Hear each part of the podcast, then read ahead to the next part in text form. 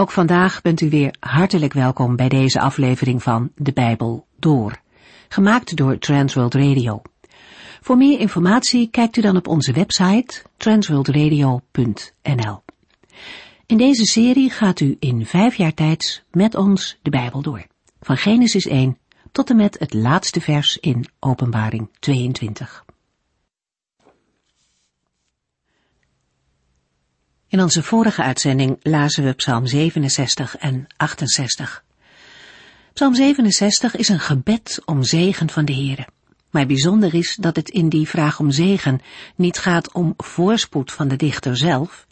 Hij vraagt om Gods zegen en om Gods nabijheid, zodat mensen in deze wereld tot het inzicht komen dat God bestaat. Zodat de liefde en de genade van de Heere bekend wordt aan andere mensen. Dat is zijn doel en zijn verlangen. Maar mensen nu al dicht bij de Heere leven, brengt dat ook zegen in hun omgeving. In het leven van Jozef bijvoorbeeld gebeurt dat ook. En de Bijbel maakt er melding van. De Heere zegende het huis van Potifar vanwege Jozef. Psalm 67 reikt ook verder dan het moment waarop ze geschreven werd. Er zit een heenwijzing in naar de toekomst, naar de tijd dat mensen op aarde de Heere eren en door hem gezegend zullen worden. Deze psalm is ook te zien als een soort introductie op de volgende psalm, 68. Hierin wordt de wereldomspannende zegentocht van de Heere beschreven. Psalm 68 is een van de moeilijkste psalmen uit het boek. De gedachtegang is soms moeilijk te volgen en er komen uitdrukkingen in voor die alleen in deze tekst gevonden worden. En daarover zijn dan ook nogal wat discussies gevoerd door bijbeluitleggers. Toch wordt de psalm met name in de laatste jaren wel als een eenheid beschouwd in plaats van een samenstelling uit meerdere liederen. Psalm 68 laat ons ook de almacht van de Heere zien, in de natuur, maar ook in zijn overwinningen op de vijand. David kan na dat alles niet anders dan eindigen met een oproep tot lofprijzing aan alle mensen op aarde. Een oproep die via alle eeuwen heen ook vandaag voor u en mij klinkt. Want diezelfde machtige God is ook te prijzen, omdat Hij ons heil is en ons dag aan dag draagt. We beginnen nu aan Psalm 69. Nadat Gods overwinning in Psalm 68 breed ter sprake kwam, klinkt nu een andere toon. Psalm 69 wordt gedomineerd door tegenslag en moeite die een gelovige ondergaat. De tekst van Psalm 69 kent een afwisseling van pleidooien en klachten en loopt uit op een beleidenis van vertrouwen. De psalm begint in de versen 2 tot en met 6 met de klacht van iemand die in nood is geraakt. Daarna spreekt David in de versen 8 tot en met 13 over tegenstanders die hem en de Heere bespotten. David is van mening dat deze mensen uit de gemeenschap moeten worden verwijderd en verwoordt dat in de versen 23 tot en met 29. Als dat is gebeurd, zal de Heere Jeruzalem tot zijn bestemming laten komen, vers 31 tot en met 37. Psalm 69 wordt toegeschreven aan David, al is het niet duidelijk met welke gebeurtenissen in zijn leven we Psalm 69 moeten verbinden. Calvijn legt een verband met Psalm 22, waarin dezelfde soort moeite wordt beschreven. Het meest waarschijnlijk is dat we moeten denken aan de vervolgingen door Saul en Absalom. Het is mogelijk dat de slotverzen van de psalm in een latere periode zijn toegevoegd. Psalm 69 vers 1 Een lied van David voor de koordirigent, te zingen op de wijs van de lelies. Het opschrift wijkt af van dat van de voorgaande psalmen. In de Hebreeuwse tekst ontbreken de woorden een lied en een psalm. Wel wordt de bestemming voor de koordirigent vermeld.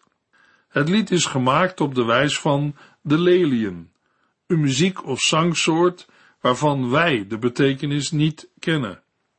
Psalm 69, vers 2 tot en met 6. Bevrijd mij, o God, want het water stijgt mij naar de lippen. Ik zak weg in het moeras en kan er niet staan. Ik sta in water waar ik de bodem niet kan voelen en het stroomt over mijn hoofd. Ik ben moe, van het roepen en mijn keel is goor. Mijn ogen zijn moe van het uitkijken naar mijn God.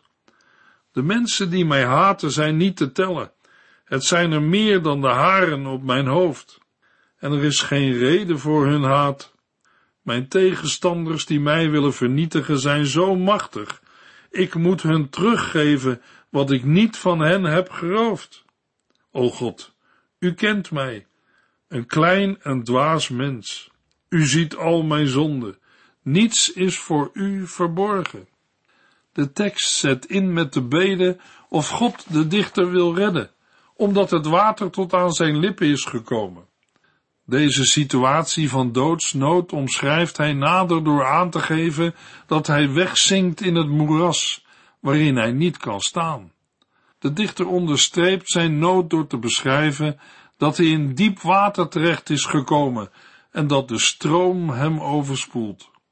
Onmiskenbaar ervaart hij de macht van de dood al zeer dichtbij. In die nood heeft hij als bidder zo lang te vergeefs om hulp geroepen dat hij moe is en schoor. Ook zijn ogen zijn moe van het uitzien naar de Heere. In vers 5 wordt duidelijk dat het genoemde levensgevaar heeft te maken met allerlei vijanden en tegenstanders. Zij die hem willen vernietigen, zijn sterk geworden. Dan verklaart de dichter dat hij terug moet geven wat hij niet had geroofd. Waarschijnlijk moeten we daarbij denken aan tegenstanders die van mening zijn dat David overtredingen heeft begaan en dat daarom het oordeel over hem komt, tenzij hij alles weer in orde maakt. In werkelijkheid is David onschuldig en is het onterecht dat hij iets zou moeten rechtzetten. De situatie is enigszins vergelijkbaar met de houding van Jobs vrienden, die hem een verborgen zonde proberen aan te praten, omdat ze van mening waren dat die er ergens in zijn leven moest zijn. David reageert op de valse beschuldigingen door een beroep te doen op de Heere zelf. Daarin stelt David vooral dat de Heere eventuele zonde kent en dat zijn tegenstanders die niet hoeven te bedenken. Daarmee ontkent David niet dat hij een zondaar is, maar neemt hij afstand van de valse beschuldigingen. Vers 7 zet in met een gebed. Het wordt bepaald door de vraag of zij die de God van Israël zoeken niet beschaamd zullen worden door wat David overkomt. Als David als leider en representant van Israël ten onder gaat, heeft dat ook de val van het volk tot gevolg. Na het tweede pleidooi volgt opnieuw in de versen 8 tot en met 13 een klacht. In vers 8 begint David met de uitspraak dat hij omwille van de Heere smaad draagt en dat hij met schaamte zijn gezicht bedekt. Blijkbaar wordt de psalmist veracht omdat hij God toebehoort. Het gevolg is dat hij voor zijn vrienden en broers een vreemde en een onbekende is geworden. In vers 10 wordt duidelijk waarom zijn dienst aan de Heere de reden is van de moeilijke situatie. Omdat ik alles geef voor uw huis.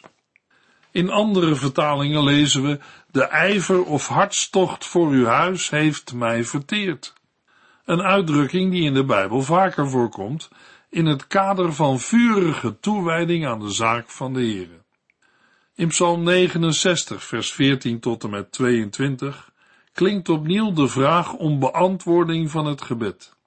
David vraagt de Heere hem te antwoorden, omdat zijn verbondstrouw en goedheid groot is.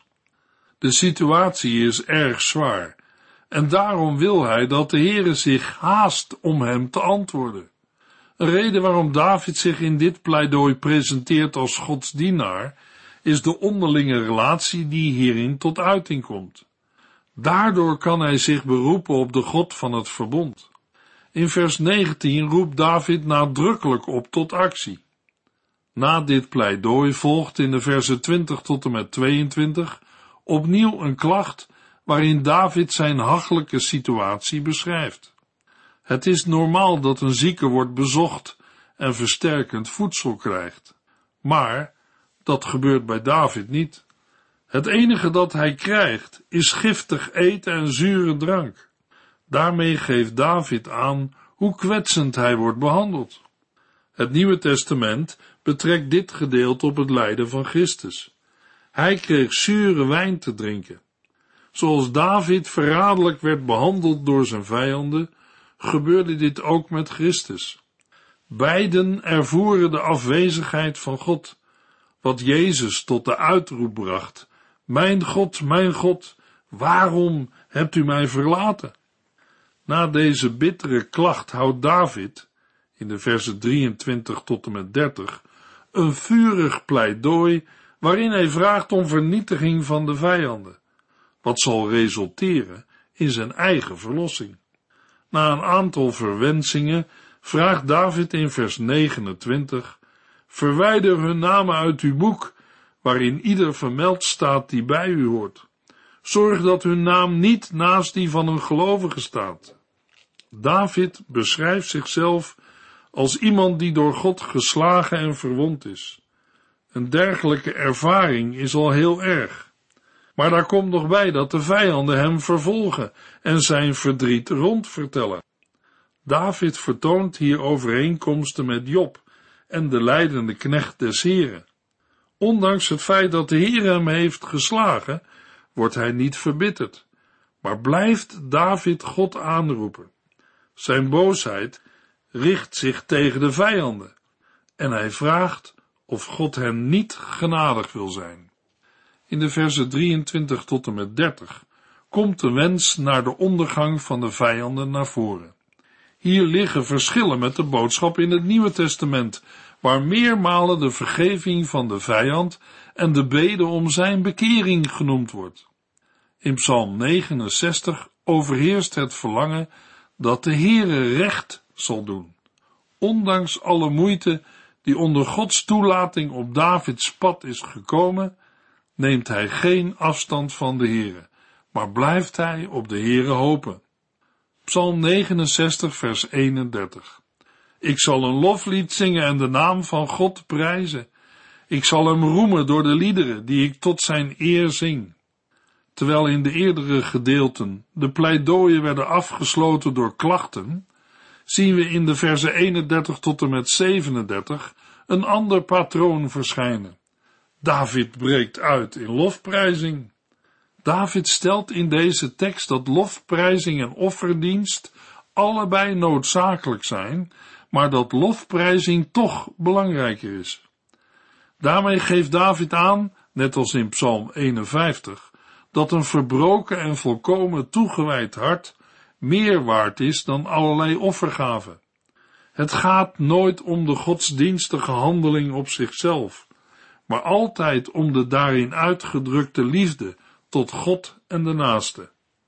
Nadat David eerder heeft aangegeven dat hij zelf de Heere wil prijzen, roept hij in vers 35 de hele schepping op om de naam van God te prijzen. De reden voor deze lofprijzing is te vinden in Gods concrete heilsdaden aan Jeruzalem en Juda. De Heere zal Jeruzalem bevrijden en de steden van Juda weer opbouwen. Israël zal wonen in het gebied dat zij van de Heere hebben ontvangen. Ten slotte wordt gezegd dat de nakomelingen van Gods dienaren het land zullen bezitten en dat degenen die zijn naam liefhebben er zullen wonen. Ook na een periode van ontvolking zullen zij die bij de Heere horen het land mogen bezitten. Volgens Leviticus 26 en Deuteronomium 28 is landbezit het gevolg van Gods zegen, maar is verlies van het land en in het uiterste geval ballingschap het gevolg van ongehoorzaamheid aan de Heere. Naast Psalm 22 is er geen psalm die zo vaak in het Nieuwe Testament wordt geciteerd als Psalm 69. Een verschil tussen Psalm 22 en Psalm 69 is dat Psalm 22 vooral van toepassing is op de kruisweg van Jezus, terwijl Psalm 69 meer handelt over zijn leven. Een overzicht van de aanhalingen van Psalm 69 in het Nieuwe Testament laat zien hoe belangrijk Psalm 69 is voor de Bijbelschrijvers van het Nieuwe Testament. Het is opmerkelijk dat juist de gedeelten die wij als wreed en bloeddorstig ervaren, namelijk vers 23 tot en met 30, het meest worden gebruikt in het Nieuwe Testament. De teksten sluiten ook aan bij het Nieuw-testamentisch getuigenis. Daarin gaat het niet alleen om liefde tot God en de naaste, maar ook over de bevrijding van de schepping en vernietiging van het kwade. Omdat aspecten als de leidende dienaar of knecht van de Here en de vernietiging van tegenstanders in Psalm 69 aanwezig zijn, neemt de psalm in het Nieuwe Testament zo'n centrale plaats in. We gaan verder met Psalm 70. Psalm 70 bestaat uit één persoonlijke klacht, waarbij iedere regel bepaald wordt door een gebiedende wijs of een wensvorm. Het is ook mogelijk de psalm te verdelen in twee stukken die ieder vier regels bevatten, namelijk vers 2 tot en met 4 en 5 en 6. Het eerste deel gaat over het beschamen van de aanvallers en het tweede deel over het aanspreken van de Heeren. Psalm 70 komt grotendeels overeen met Psalm 40 vers 14 tot en met 18. We hebben met Psalm 70 te maken met een gebed in nood, dat uitsluitend bestaat uit een smeekbede. Dat is wat ongewoon, omdat we in de psalmen vaak ook verootmoediging, lofprijzing en aanbidding aantreffen. Een lied dat alleen om persoonlijke hulp vraagt en dat de Heere beveelt spoedig in te grijpen, kan vreemd op ons overkomen. Ondanks dat bevat de psalm wel degelijk een instructie voor gebed. Er is een mens aan het woord die weet wat je in nood wel en niet moet doen. Een mens in nood moet zich niet afsluiten in een houding van cynisme en ongeloof, maar juist naar de Heere gaan en bij hem de nood neerleggen. Daarbij hoeven we niet bezorgd te zijn over het gebruik van de juiste woorden. Het belangrijkste is dat we alles voor de Heere uitspreken en neerleggen. Ook in het Nieuwe Testament bestaat het besef dat er zich situaties kunnen voordoen waarin een mens zoveel nood en onzekerheid ervaart, dat de juiste woorden om tot de Heere te naderen niet te vinden zijn. Een voorbeeld hiervan staat in Romeinen 8. Een gedeelte dat stilstaat bij de zinloosheid van het bestaan. Het leven is vaak zo ondoorzichtig dat we niet weten wat we moeten bidden naar behoren. Juist dan schrijft Paulus geen uitgebreide gebeden voor, maar geeft hij aan dat de Heilige Geest als het ware onze gebeden overneemt en voor ons bidt en pleit. We mogen met onvolkomen en desnoods met korte gebeden naderen tot de Hemelse Vader. Denk aan het gebed van de tolontvanger in Lucas 18. Dat een dergelijk gebed om spoedige hulp door de eeuwen heen belangrijk was, blijkt uit het feit dat Psalm 70 vers 2 aan het begin van elk uur in de Latijnse liturgie te horen was. We gaan verder met Psalm 71. Psalm 71 is een individueel smeekgebed met een wat losse opbouw. De smeekgebeden worden afgewisseld met uitingen van lofprijzingen en vertrouwen. We kiezen voor een structuur die met name let op de inhoud. Vanuit de inhoud is Psalm 71 een driedeling, waarin wordt voorbereid op lofprijzing. Alle onderdelen bevatten een pleidooi en een aankondiging van lofprijzing. Vers 1 tot en met 8 gaat over een oudere die nadenkt over Gods trouw vanaf zijn jeugd. In vers 9 tot en met 16 gaat het over Gods trouw in zijn ouderdom. In vers 17 tot en met 24 geeft de dichter aan hoe God hem vanaf zijn jeugd tot in de ouderdom nabij is geweest. Ieder deel van de psalm wordt afgesloten met een lofprijzing. De eerste vier versen van dit gedeelte vormen een pleidooi voor bescherming. De dichter begint met een uiting van vertrouwen. Hij schuilt bij de Here. Blijkens het verband is dit nodig, omdat de dichter zich omringd weet door vijanden. Hij spreekt de wens uit nooit beschaamd te worden. Vervolgens vraagt de dichter of de Heer hem wil verlossen en bevrijden. Daarbij verwijst hij naar moeilijke omstandigheden in het verleden. Ondanks het feit dat zijn leven door moeite en strijd is heen gegaan, was de Heere zijn sterkte en toevlucht. Daarom kan hij alleen maar liederen tot Gods eer zingen. De hele dag spreekt hij over de grootheid van de Heere. Na deze terugblik vraagt de dichter of de Heer hem niet wil verwerpen in de tijd van zijn ouderdom, als hij minder kracht heeft. Juist dan is een mens afhankelijk van de hulp van familie en vrienden en bovenal van de hulp van God. De ernst van de situatie van de oude man komt naar voren in de volgende verse.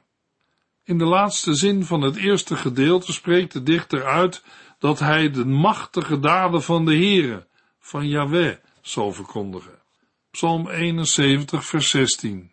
Overal waar ik kom, zal ik spreken over de macht en majesteit van de Almachtige Heere. Alleen over uw rechtvaardigheid zal ik vertellen. In het eerste gedeelte heeft de dichter Gods trouw vanaf zijn jeugd beleden. Daarna in het tweede gedeelte Gods nabijheid in de ouderdom. Vanaf vers 17 komt in het derde gedeelte alles vanaf zijn jeugd tot aan de ouderdom aan de orde. De psalm wordt afgesloten met een aanzet tot lofprijzing. Daarin wordt ook de belofte van een lang leven in het beloofde land vervuld. In Psalm 71 worden we bepaald bij een dichter die krachtig is in de Heere. Hij blijft in zijn geloof volharden, ondanks de verzwakking door een hoge leeftijd. Psalm 71, vers 24. De hele dag door zal ik spreken over uw rechtvaardigheid, en de mensen die uit waren op mijn ondergang, zullen zich diep schamen en afdruipen. We gaan verder met Psalm 72. Psalm 72 vormt de afsluiting van de tweede bundel van het Bijbelboek Psalmen en is te omschrijven als een gebed bestemd voor een koning. In de interpretatie door de eeuwen heen is het lied meermalen opgevat als uitsluitend een messiaanse psalm. De bezongen koning is niemand anders dan de Messias. Daarnaast kwam ook de opvatting voor dat de tekst betrekking had op een koning over Israël, een tijdgenoot van de dichter, maar tegelijk heenwees naar de toekomstige verlosser. In recente tijd is ook wel verdedigd dat Psalm 72 uitsluitend betrekking heeft op een koning van Israël, Salomo. Om Psalm 72 alleen te zien als een messiaanse psalm is onjuist omdat de tekst te veel elementen bevat die passen in de periode waarin Salomo leefde. In de uitleg richten we ons primair op de context van het Verenigde Koninkrijk van Juda en Israël. Op grond van Psalm 72, vers 20 schrijven wij de psalm aan David toe. Hij heeft het lied waarschijnlijk geschreven als een zegenbede voor zijn zoon Salomo. Deze opvatting is taalkundig mogelijk en past goed in het geheel. Als Psalm 72 betrekking heeft op Salomo, zijn een aantal gebeden uit Psalm 72 tijdens het leven van Salomo vervuld. In Psalm 72 wordt de bede uitgesproken dat God zijn rechtvaardigheid en zijn vermogen om rechtvaardige oordelen te vellen overdraagt op de nieuwe koning. Deze rechtvaardigheid kenmerkt zich bij uitstek door zorg voor de allerzwaksten. De koning zal worden gezegend met goede oogsten en wereldwijde heerschappij. Daarin is deze koning aangesteld met een missie die later bij de knecht van de Heere zichtbaar wordt en ook een vervulling is van belofte aan de aartsvaders. Wanneer we ervan uitgaan dat David Psalm 72 schreef met het oog op zijn zoon Salomo, is het mogelijk de bede in 1 Koningen 3 vers 6 tot en met 9 te zien als antwoord. Ook zijn diverse zaken die in Psalm 72 worden genoemd, verwezenlijkt in Salomo's leven. Toch zijn er ook aspecten van de psalm die minder goed tot uiting kwamen in het leven van Salomo. We lezen niet zoveel over zijn zorg voor wees en weduwe. Ook blijft hij aan het eind van zijn leven geen onderkoning onder God, maar ontpopt hij zich als een Oosters monarch die huwelijken aangaat met buitenlandse prinsessen. en toestaat dat zij heiligdommen in Jeruzalem stichten. De stammen, vooral de tien stammen die met Jerobeam meegaan, hebben reden tot klagen over de harde regering van Salomo. Salomo kreeg de mogelijkheid om de koning te zijn die beschreven wordt in Psalm 72, maar maakte dat uiteindelijk niet waar. Ook koningen na Salomo deden dit niet en hun zonde leidde ertoe dat God besloot zijn zegen in te trekken door een einde te maken aan het koninkrijk. Geen enkele aardse vorst bezat het vermogen om waar te maken wat in dit lied beschreven stond. Toch blijven de beloften wel staan. Daarom wordt uitgezien naar een nieuwe koning uit het geslacht van David, die volkomen rechtvaardig is en die aan de volken het recht zal openbaren. In het Nieuwe Testament wordt door de apostelen verkondigd dat Jezus deze nieuwe koning is. Hij openbaart door zijn verzoenend lijden en sterven Gods liefde aan de hele wereld. Door het verlorene te zoeken, openbaart hij Gods recht. Voor een gelovige in onze tijd geeft Psalm 72 troost, omdat het lied iets laat zien van Gods bedoelingen met de wereld. Hij heeft een rijk van vrede beloofd, dat onder leiding staat van de zoon van David. Bij de eerste komst van Jezus op aarde heeft hij Gods liefde zichtbaar gemaakt. Bij zijn opstanding en hemelvaart deelde hij mee dat hij wereldwijde heerschappij heeft. Deze heerschappij is nu nog verborgen. Gelukkig mag een gelovige uitzien naar het glorieuze moment dat hij terugkomt en dat ieder schepsel zijn heerschappij zal erkennen. In de tussentijd wordt iedere christen geroepen te handelen zoals de Heer Jezus deed. Dat betekent dat zijn leven wordt gekenmerkt door rechtvaardigheid en dat hij daarom oog heeft voor zwakken en kwetsbaren. In de volgende uitzending lezen we Psalm 73 tot en met 75. U heeft geluisterd naar De Bijbel Door, in het Nederlands vertaald en bewerkt door Transworld Radio. Een programma waarin we in vijf jaar tijd de hele Bijbel doorgaan. Als u wilt reageren op deze uitzending of u heeft vragen, dan kunt u contact met ons opnemen.